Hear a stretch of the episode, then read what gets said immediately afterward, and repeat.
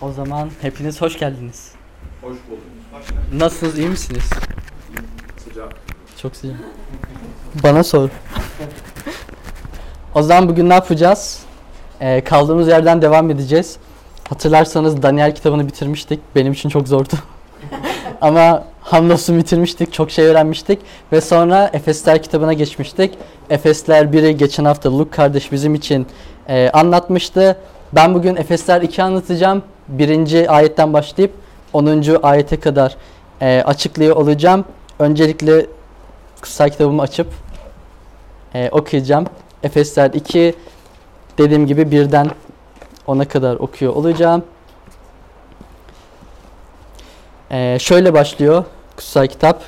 Sizler bir zamanlar içinde yaşadığınız suçlardan ve günahlardan ötürü ölüydünüz. Bu dünyanın gidişine ve havadaki hükümranlığın egemen, egemenine yani söz dinlemeyen insanlarda şimdi etkin olan ruha uymaktaydınız. Bir zamanlar hepimiz böyle insanların arasında benliğin ve aklın isteklerini yerine getirerek benliğimizin tutkularına göre yaşıyorduk. Doğal olarak ötekiler gibi biz de gazap çocuklarıydık. Doğru da okudum değil mi? Evet. Ama merhameti bol olan Tanrı bizi çok sevdiği için suçlarımızdan ötürü ölü olduğumuz halde bizi Mesih'le birlikte yaşama kavuşturdu. Onun lütfuyla kurtuldunuz. Tanrı bizi Mesih İsa'da Mesih'le birlikte diriltip göksel yerlerde oturttu. Bunu Mesih İsa'da bize gösterdiği iyilikle lütfunun sonsuz zenginliğini gelecek çağlarda sergilemek için yaptı. İman yoluyla lütufla kurtuldunuz. Bu sizin başarınız değil, Tanrı'nın armağanıdır. Kimsenin övünmemesi için iyi işlerin ödülü değildir. Çünkü çünkü biz Tanrı'nın yapıtıyız. Onun önceden belirlediği iyi işleri yapmak üzere Mesih İsa'da yaratıldık. Amin. Şeklinde e, diyor Efesler 2 birden 10'a kadar. E, ben burada başlamadan önce şunun altını çizmek istiyorum. Burada okuduğumuz şeyler aslında işte aniden Pavlus'un aklına gelip yazdığı şeyler değil. Ya da örneğin biz ya da e, yani şöyle diyeyim. Örneğin biz kutsal kitap okuduğumuzda ne oluyor? İşte birinci ayet ölüydünüz, ikinci ayet şöyleydiniz, böyleydiniz. Ama Pavlus bunu yazarken aslında birinci ayet ölüydünüz, ikinci ayet işte kurtuldunuz vesaire demiyor. Aslında e, aniden yani bir anda aklına gelen bir şeyden ziyade geçmişi olan işte arka planda çok dolu dolu olan şeylerle bunu e, vurguluyor. Özellikle ikinci ayette yani ikinci bölümde vurgulanan şey özel bir vurgu olarak da başlangıçta ölüydünüz şeklinde başlaması. Birinci bölüme baktığımızda çünkü şey görüyoruz işte Paulus anlatıyor Mesih'in dirildiğini işte Mesih'in e, dirilmesini anlatıyor ve ikinci ayette siz de ölüydünüz ve daha sonrasında aslında Efesler kitabının bütününde tek bir mesaj tek bir mesaj değil çok önemli bir mesaj görüyoruz. O da yeniden yaratılmış olmak. Yeniden yaratılmak, Mesih'le birlikte tekrardan doğmak, onun dirilişi gibi bizim de dirilmemiş, dirilmemiz. Dediğim gibi birinci bölüme baktığımızda aslında şey görüyorduk. İşte Mesih ölümden dirildi ve ikinci bölüme baktığımızda da biz de onunla birlikte dirildik aslında şeklinde görüyoruz. Ve daha sonrasında zaten Efesler kitabının devamına baktığımızda işte Tanrı'nın yeni yaratılışta insanın işte rolüne, insan artık bu yeni yaratılışta ne olduğunu e, görüyoruz. E, burada dediğim gibi ilk başladığı şey ölüydünüz. Aslında biraz nasıl diyeyim e, garip bir mesajla başlıyor. Yani şey düşünün biri buraya giriyor ve diyor ki siz ölüsünüz ve çıkıp gidiyor. Ve o zaman baktığımız zaman ne oluyor biraz hani nasıl nasıl öleyim ki ben? Bayağı yaşıyorum işte çok hani hiçbir sıkıntı yok bende. Değil mi? Yok galiba. Evet. Sizde de yok. Yani buradaki ölümün aslında biraz ne olduğundan bahsetmek istiyorum. Buradaki ölüm ruhsal bir ölüm aslında. Ee, fiziki bir ölüm değil. Ama özellik olarak fiziki ölüme biraz benziyor. Örneğin bir tane şimdi bu ölü bir adam düşünelim. Yerde şu an ölü olarak yatıyor. Onunla konuştuğumuz zaman bize cevap verebiliyor mu? Ya da bu adam işte kalkıp resim çizebilir mi? Müzik dinleyebilir mi? İşte bizimle sohbet edebilir mi? İşte ya da biz ona mesaj yollasak bu mesajı alabilir mi? Alamaz. Ve aslında ruhsal olarak ölü kişilere baktığımızda da burada geçmişteki biz şeklinde aslında söylüyor. Gerçekten dünya üzerinde hani ölü olanlar Tanrı'nın çağrısını alamayanlar, Tanrı'nın çağrısını işte almayanlar, müjdeyi alamayan kişiler veya almayan kişiler diyeyim tabii ki bunun şeyi tartışılır. O kişiler aslında ruhsal olarak ölmüş olarak görüyoruz. Ama bir kurtarıcı gelecek. Birazdan zaten ona değineceğim. Bir kurtarıcı gelecek ve bunları aslında kurtaracak. Zaten belki şeyi sorabiliyor olabilirsiniz. Hani ben hani neden ölüyorum ki? Ben niye öldüm? Burada birinci ayette çok net bir şekilde söylüyor aslında. Ee, bir bir zamanlar içinde yaşadığınız suçlardan ve günahlardan ötürü ve aslında bu dünyanın yani bu havadaki hükümranlığın egemenine karşı e, yani aslında bir bakıma şeytanla birlikte yürüdüğünüz için e, günahkardınız. Ama burada o zaman karşımıza şey çıkıyor. Yani geçmişte ne günah işlemiş olabilirim ki ben? Hani bu kadar beni öldürecek bir günah. Aslında bu günah biz e, işlemedik. işledik ama şöyle işlemedik. Ben biraz aslında bugün tamamen kutsal kitap teolojisini kısa olarak baştan sona biraz anlatacağım. En başa gittiğimizde ne görüyoruz? Kutsal kitabın en başını açtığımızda yaratılış görüyoruz. Her şey çok iyiydi. Ama ne görüyoruz? Adem ve Havva işte Tanrı onlarla bir antlaşma yaptı aslında. Belki de Hristiyanlığın böyle en önemli kav- kavramlarından birisi antlaşma. Tanrı onlarla antlaşma yaptı. Bu meyveden almayacaksın, yemeyeceksin yoksa ölürsün şeklinde. Ama Adem ve Havva, Adem ne yaptı? Aldı ve maalesef kaybetti. Ama bu kadar da değil. Örneğin Nuh'a geliyoruz. Nuh tamam çok iyi bir insandı. Tanrı onunla da antlaşma yaptı. Ama daha sonrasında kutsal kitabı yaratılış bölümüne baktığımızda ne görüyoruz?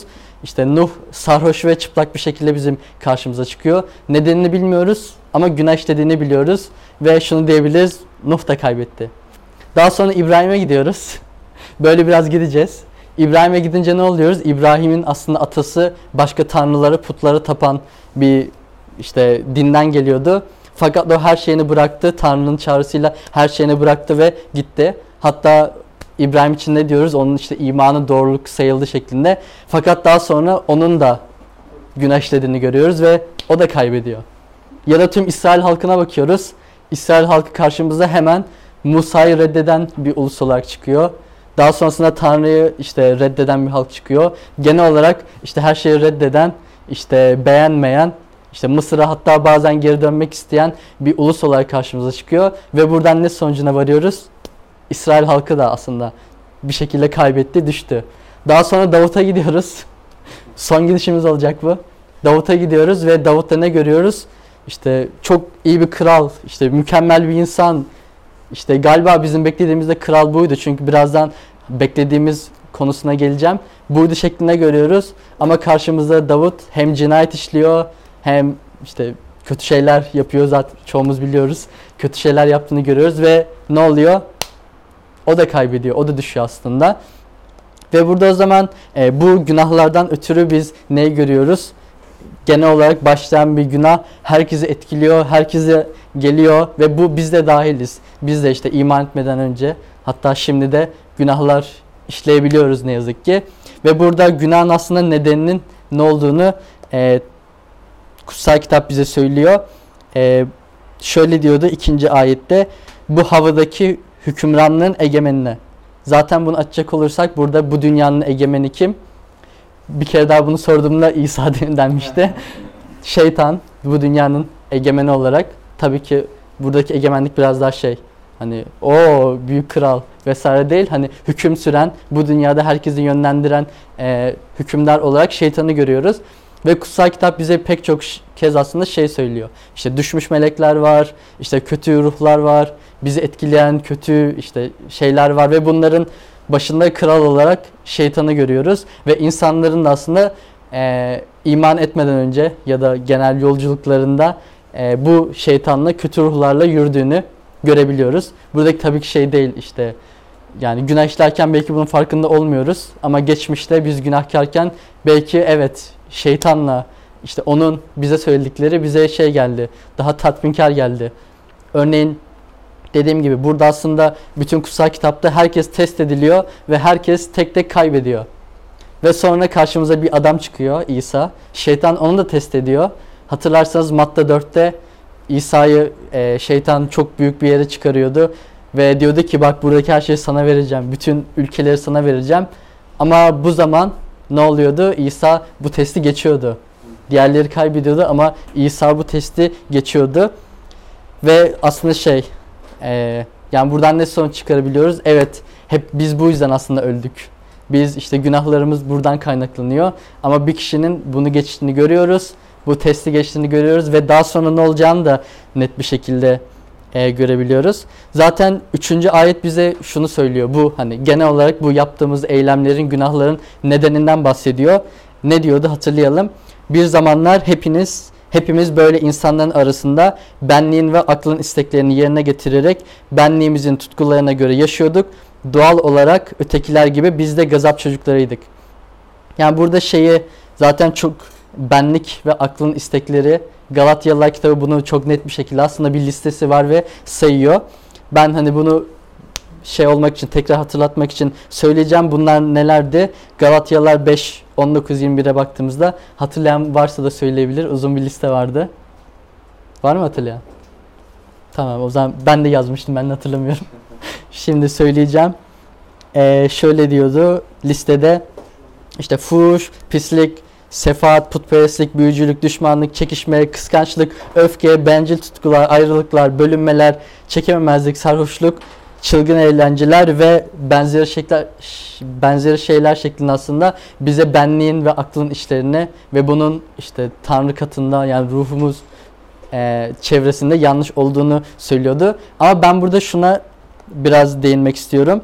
E, üçüncü ayette ne diyordu? Doğal olarak.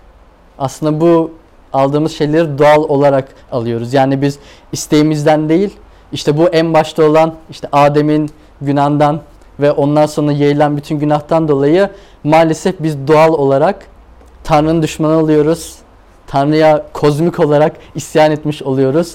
Tanrı'nın karşısında duran ona aslında e, yani herhangi bir şeye bir günah değil de doğrudan onu hedef alan bir günah işlediğimizi görüyoruz Adem'in bu günah sayesinde. O yüzden bence buradaki doğal buradaki doğal olarak ifadesi bunu çok net bir şekilde açıklıyor olabilir. Biz doğal olarak Tanrı'ya düşman olarak e, doğduk şeklinde. Ama şöyle bir şey oluyor. Evet doğamız gereği biz günahkardık ve bazen şunu düşünebiliyoruz işte çok çalışabilirim, çok iyi şeyler yapabilirim, çok erdemli bir insan olabilirim. İşte gidip Afrika'daki açlığı bitirebilirim, her şey yapabilirim, çok iyi olabilirim. Ama kutsal kitap ne diyor?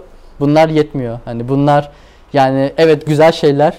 İyi bir insan olmalısın, erdemli bir insan olmalısın, işte alçak gönüllü bir insan olmalısın ama bu olanların kurtuluşla bağlantısı yok. Kurtuluşun doğrudan bağlantısı ne? İman. Zaten birazdan oraya geleceğiz. Ama kutsal kitabın ve Mesih İsa'nın aslında bize yaptığı çok güzel e, bir şey var. Dediğim gibi biz isyankar bir halktık. Ama Mesih sayesinde e, Tanrı'nın krallığının üyeleri oluyoruz. Hatta daha da ötesi onun kahinleri oluyoruz. Bize 1. Petrus 2 9. ayet ne diyor? Ama siz seçilmiş soy, kralın kahinleri, kutsal ulus, Tanrı'nın öz halkınız şek halkısınız şeklinde diyor.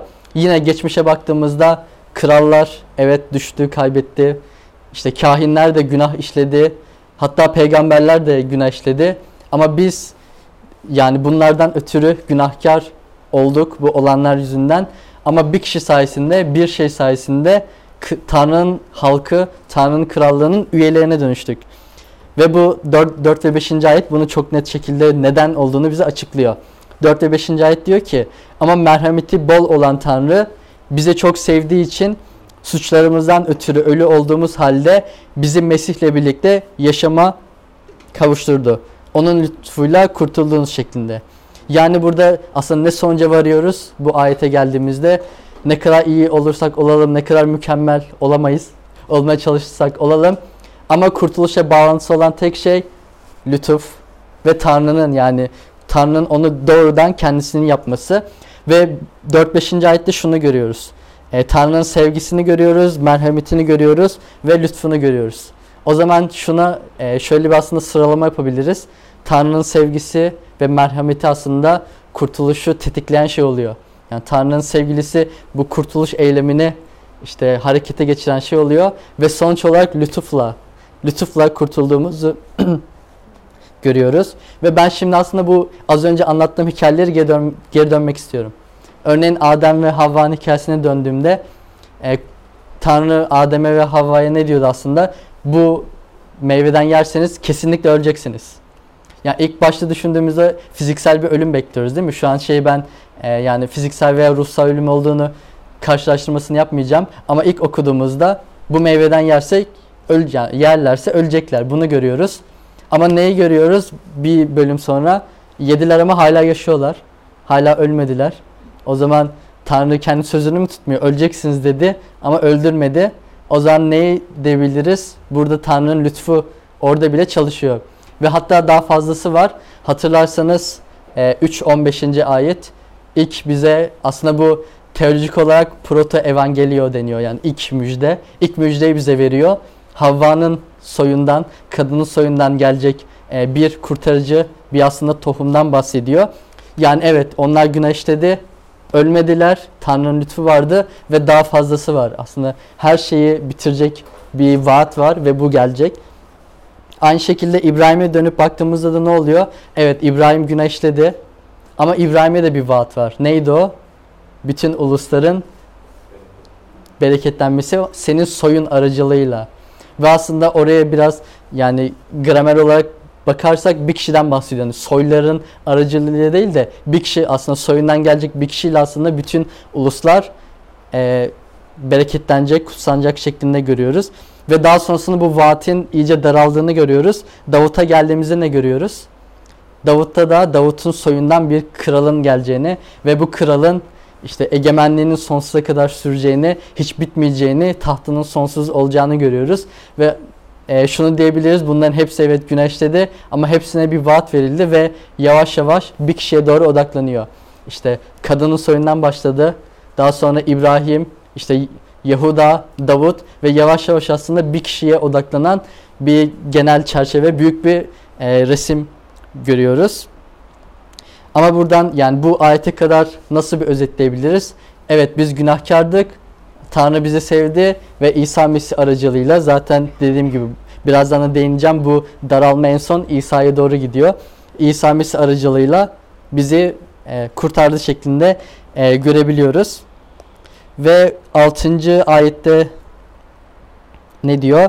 Tanrı bizi Mesih İsa'da Mesih'le birlikte diriltip göksel yerlerde oturttu. Ben burada biraz şey birinci bölüme geri dönüp Pavlus'un mektubundan Pavlus'un e, o ulus için duasından küçük bir okumak istiyorum. Duası çok biraz uzundu tabii ki. Sadece iki ayet okuyacağım. 18'den 20'ye kadar. Ee, onun çağrısından doğan umudu, kutsallara verdiği mirasın yüce zenginliğini ve iman eden bizler için etkin olan kudretin, aşkın büyüklüğünü anlamanız için yüreklerinizin gözleri aydınlansın diye biraz uzun şey oluyor. Yani cümlenin öğeleri diye dua ediyorum. Bu kudret Tanrı'nın Mesih'i ölümden diriltirken ve göksel yerlerde sağında oturturken onda sergilediği üstün güçle aynı etkindedir. Aynı etkinliktedir. Yani doğasında da Paulus ne yapıyor? İlk bölümde Mesih'in dirilmesinin altını çiziyor ve dediğim gibi ikinci bölümde de bizim onunla birlikte dirilmemizin altını çiziyor. Ve biz şunu söyleyebiliriz. Şu ana kadar baktığımızda en büyük problemin ne olduğunu görüyoruz. Günah ve ölüm. Değil mi? Yani genel olarak büyük çerçeveden, büyük pencereden baktığımız zaman, büyük resme baktığımız zaman asıl problem günah ve ölüm. Ve geçmişe dönersek işte peygamberlere bakalım ya da işte krallara yine kahinlere bakalım. Bunların hepsi tek tek öldü değil mi? Ve yani İsa'dan sonra da işte peygamberler, yanlış öğretiler vesaire onlara baktığımızda da hepsi tek tek öldü. Ama problemi kendisi zaten ölümse, bu adamlar da zaten ölüyorsa o zaman onlar bizi kurtaramayacak bu çok net bir şekilde. Ama şunu görebiliyoruz. O zaman ölümü yenen bir kişi var ve o kişi bizi yenebilir. Ve o kişi kimdi? Aslında İsa Mesih'ti. Çünkü şeye baktığımızda e, genel olarak aslında ona birazdan değineceğim. Şimdi değinmeyeceğim. Genel olarak baktığımızda o kurtarıcının e, soyuna baktığımızda bir şey görüyoruz. Ona birazdan değineceğim. Ama dediğim gibi problem ölüm. Pro- problemi çözecek tek kişi ölümü yenebilecek kişi. Ve ölümü yenebilen kişi Mesih'in o çarmıhta yaptığı eylem. Ölmesi, ölerek aslında ölümü yenmesi ve daha sonrasında dirilmesi bu lütfu ortaya çıkarıyor. Bu kurtuluşun aslında e, eylemsel olarak karşımıza çıkartıyor. Ve 7, 8, 9. ayet şöyle diyor.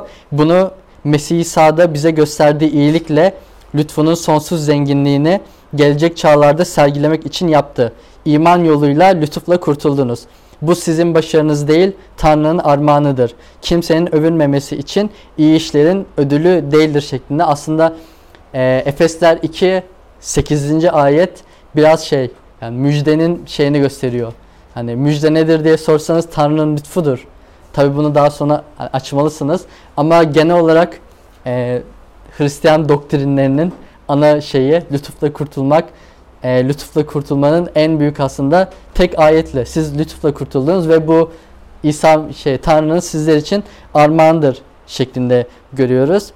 E, biraz önce İsrail halkından ben biraz bahsetmemiştim bu hani İsrail halkı ne olacak gibisinden bahsetmemiştim. Tevrat'a baktığımızda yani eski antlaşmaya baktığımızda özellikle 5 kitaba, ilk 5 kitaba, Musa'nın kitabına baktığımızda İsrail halkının genel problemi ne sizce? Hiç dikkat etmiş miydiniz? Etmemiş miydiniz? Her zaman onların yüreklerinin hani kötü olduğunu görüyoruz. Hani işte bu reddetmeler, beğenmemeler, işte bir şeyleri yapamamalar, gidememeler Lanetlendikleri için olabilir mi acaba? Lanetlendiler diye bir hani ayetlerde geçiyor mu? Yani onu biraz açmak lazım. Biraz şey yüzünden. Bütün aslında bu beş kitabı işte Musa'nın o beş kitabını okuduğumuzda biz hep şey görüyoruz. Bunlar işte İsrail halkı hep şey hani yürekleri o kadar kötü ki Tanrı bile diyor zaten hani yürekleri onların kötüleştiği için genel olarak biz Tevrat'a baktığımızda İsrail halkının tek bir şeye ihtiyacı var. Yani o dönem tek bir şeye ihtiyacı var. Yeni bir kalbe, yeni bir yüreğe ihtiyacı var. Ama on, yani bu yeni kalp ve yeni yüreği onlar da sağlayamıyor. Yine aynı şekilde Tanrı'nın lütfu ortaya çıkıyor. Yasanın tekrar 36. ayet bize şöyle diyor. Sizin ve çocuklarınızın yüreğini değiştirecek. Öyle ki onun yüreği onu bütün yüreğinizle, bütün canınızla seveceksiniz ve yaşayacaksınız. Aynı şekilde Hezekiel'de de 36. bölümde 6. ayet bize şöyle diyor. Size yeni bir yürek verecek. içinize yeni bir ruh koyacağım. İçinizdeki taştan yüreği çıkartacak. Size etten etten bir yürek vereceğim şeklinde diyor. Yani biz İsrail halkına baktığımızda da İsrail halkının yeni bir yüreğe ihtiyacı var. Ama bu yüreği kim sağlıyor? Yine Tanrı'nın sevgisi sağlıyor. Ve burada aslında zaten e, en baş yani ayette ne diyordu? Yani Tanrı'nın sonsuz zenginliği derken yani geçmiş çağlarda da çıkan, şimdi de çıkan ve gelecekte de çıkan bir lütuftan bahsediyor. Dediğim gibi geçmişte Tanrı lütfu o işte insanlara düşen, kaybedenlere sağladı. Burada İsrail halkına yeni bir aslında kalp vererek sağladı. Ve şimdiki çağlarda aslında o daralmadan sonra nasıl çıkıyor? İsa Mesih aracılığıyla kurtulmamızla çıkıyor. Yani e, kurtuluşun da biraz ne görüyoruz? İman ve lütufla bir bağlantısı olduğunu görüyoruz. Örneğin e, Yaratılış 15. bölüme baktığımızda İbrahim neyi doğruluk sayılıyordu? İmanı. İbrahim iman etmişti ve onun imanı doğruluk sayılmış sayılmıştı şeklinde görüyorduk. Onun da günahkar olmasına rağmen ve ondan sonra çok güzel bir vaat çıkıyor. Neydi bu vaat? Bütün ulusların bütün ulusların onun soyundan çıkacak bir kurtarıcıyla aslında kutsal kutsallaştırılması işte bereketlenmesi gibi ve daha sonrasında işte kutsal kitabı elimize alıyoruz. O neydi ya? Sayfaları tek tek çeviriyoruz ve yeni antlaşmaya geliyoruz. Yeni antlaşmada bir kişiyle karşılaşıyoruz. Bu kişi kim? Direkt ilk sayfayı açtığımızda Matta 1. bölümde bir kişiyle karşılaşıyoruz ve onun için şöyle diyor. Meryem bir oğul doğuracak. Adını İsa koyacaksın. Çünkü halkını günahlarından o kurtaracak. Yani İbrahim'e verilen vaat neydi? Bir kurtarıcının gelmesi ve bütün ulusları bütün ulusları bereketlemesi şeklinde görüyorduk. Zaten bu aslında biraz haftanın konusuna kayıyor ama hem e, Efesler kitabına baktığımızda, 3. bölüme baktığımızda ya da 2. bölümün devamına baktığımızda ya farklı farklı şeylere baktığımızda e, örneğin Galatyalılar mektubuna baktığımızda şunu görüyoruz. E, bütün uluslar artık onun aracılığıyla bereketlenmiş oluyor. Ve artık e, örneğin Galatyalılar yanlış hatırlamıyorsam 3 değil mi? Evet. 3.28'de şöyle diyor. Artık ne Yahudi ne Grek ne köle ne özgür ne erkek ne dişi ayrımı vardır. Hepiniz Mesih İsa'da birsiniz şeklinde. Aslında şey bize bu mektubun da genel fikrini söylüyor. Yani Tanrı'nın gözünde işte Türk, işte Kürt, Ermeni, Amerikalı, Amerikalılar belki bilmiyorum. Ayrımı yok. Tanrı'nın gözünde hepsi bir. Aynı şekilde kadın, erkek de Tanrı'nın gözünde aynı şekilde bir. O derece önemli ve köle ya da özgür olsun fark et efendim ya da köle özgür olsun ne iş yapıyorsa olsun fark etmeden hepsinin Tanrı'nın gözünde bir olduğunu görüyoruz ve bu her şey aslında e, bizi işte mektubun genel ana teması neydi hatırlarsanız yeni yaratılıştı diye demiştim. Yeni yaratılıştan işte kaynaklı bizi bu sonuca götürüyor. Yeni yaratış, yaratılışla ilgili pek çok pek çok şey aslında görebiliyoruz. Örneğin e, 2. Korintiler 5.17 var. Hatta biz Kristin'le bu ayeti ezberlemiştik. Hatırlıyorsa söyleyebilir.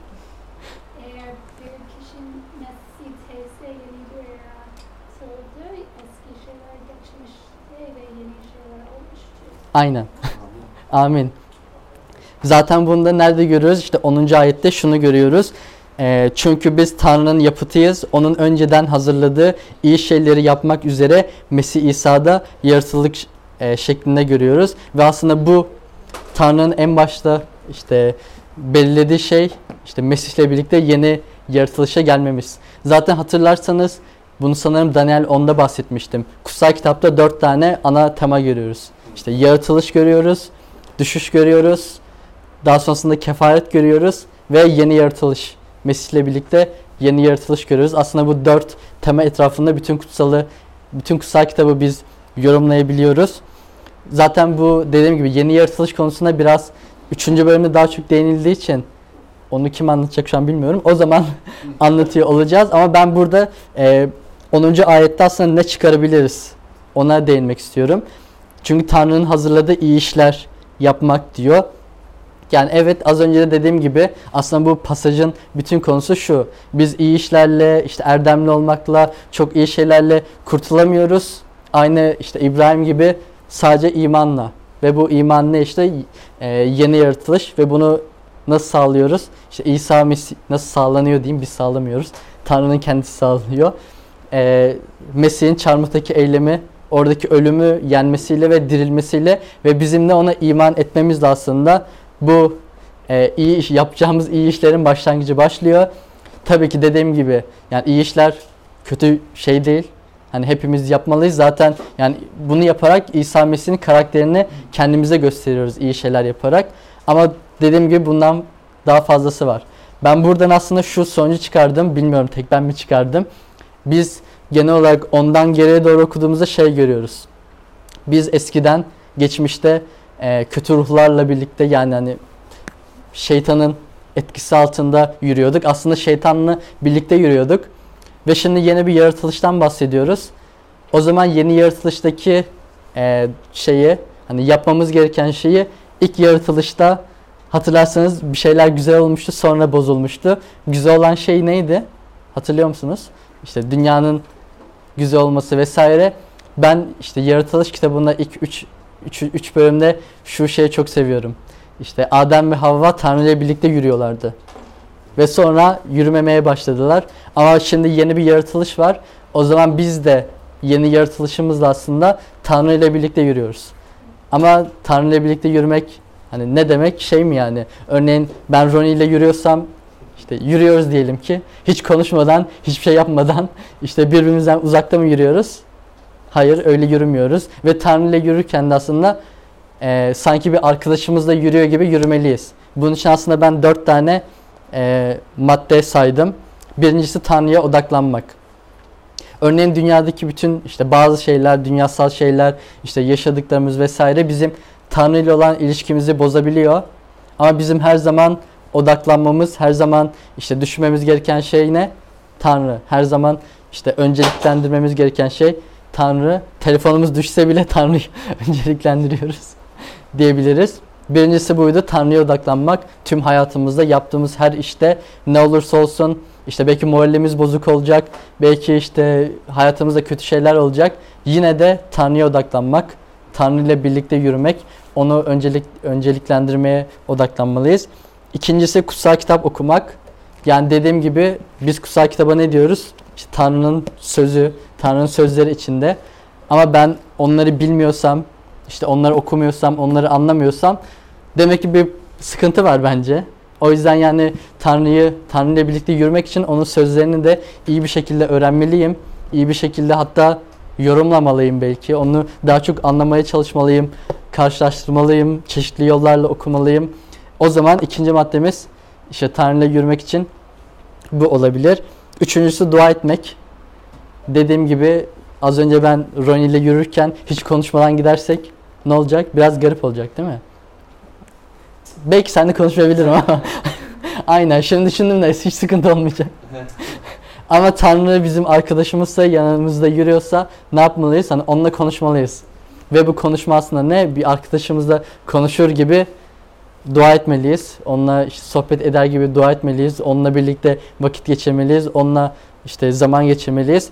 Son olarak ben bunu bu arada meditasyon yapmak olarak yazdım. Ama buradaki meditasyon şey değil yani işte uzak doğudan gelen meditasyonlar ya da işte müzikle uyumaya çalışmak vesaire değil. Buradaki benim hani başka bir şey bulamadım meditasyon yapmak diye yazdım.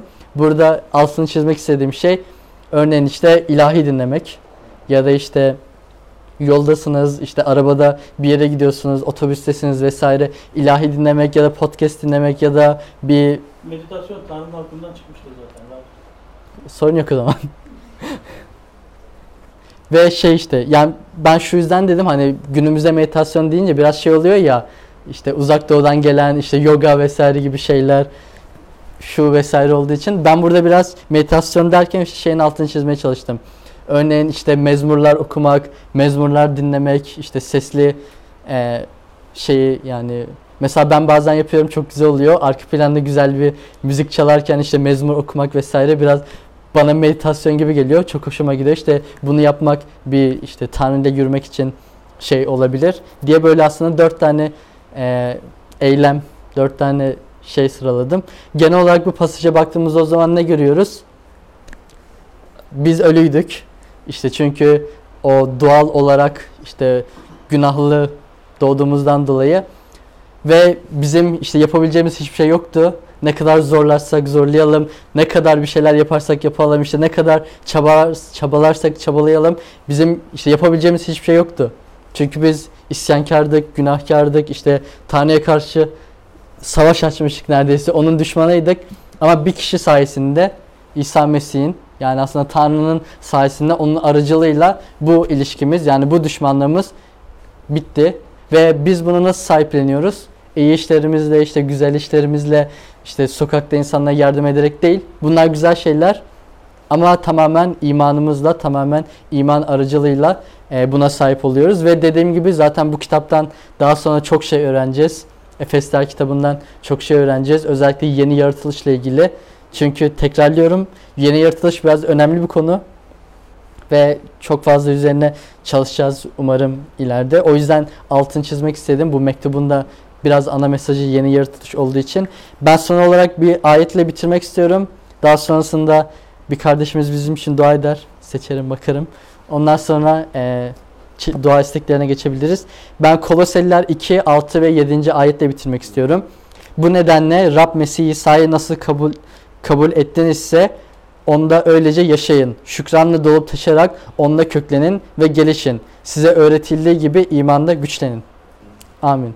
O zaman bizim de yapmamız gereken şey dediğim gibi buradan çıkaracağımız sonuç Tanrı ile birlikte yürümek, Tanrı'nın yollarında yürümek ve Tanrı'nın aslında bizim yollarımıza liderlik, önderlik etmesini sağlamak demek istiyorum ve bitiriyorum.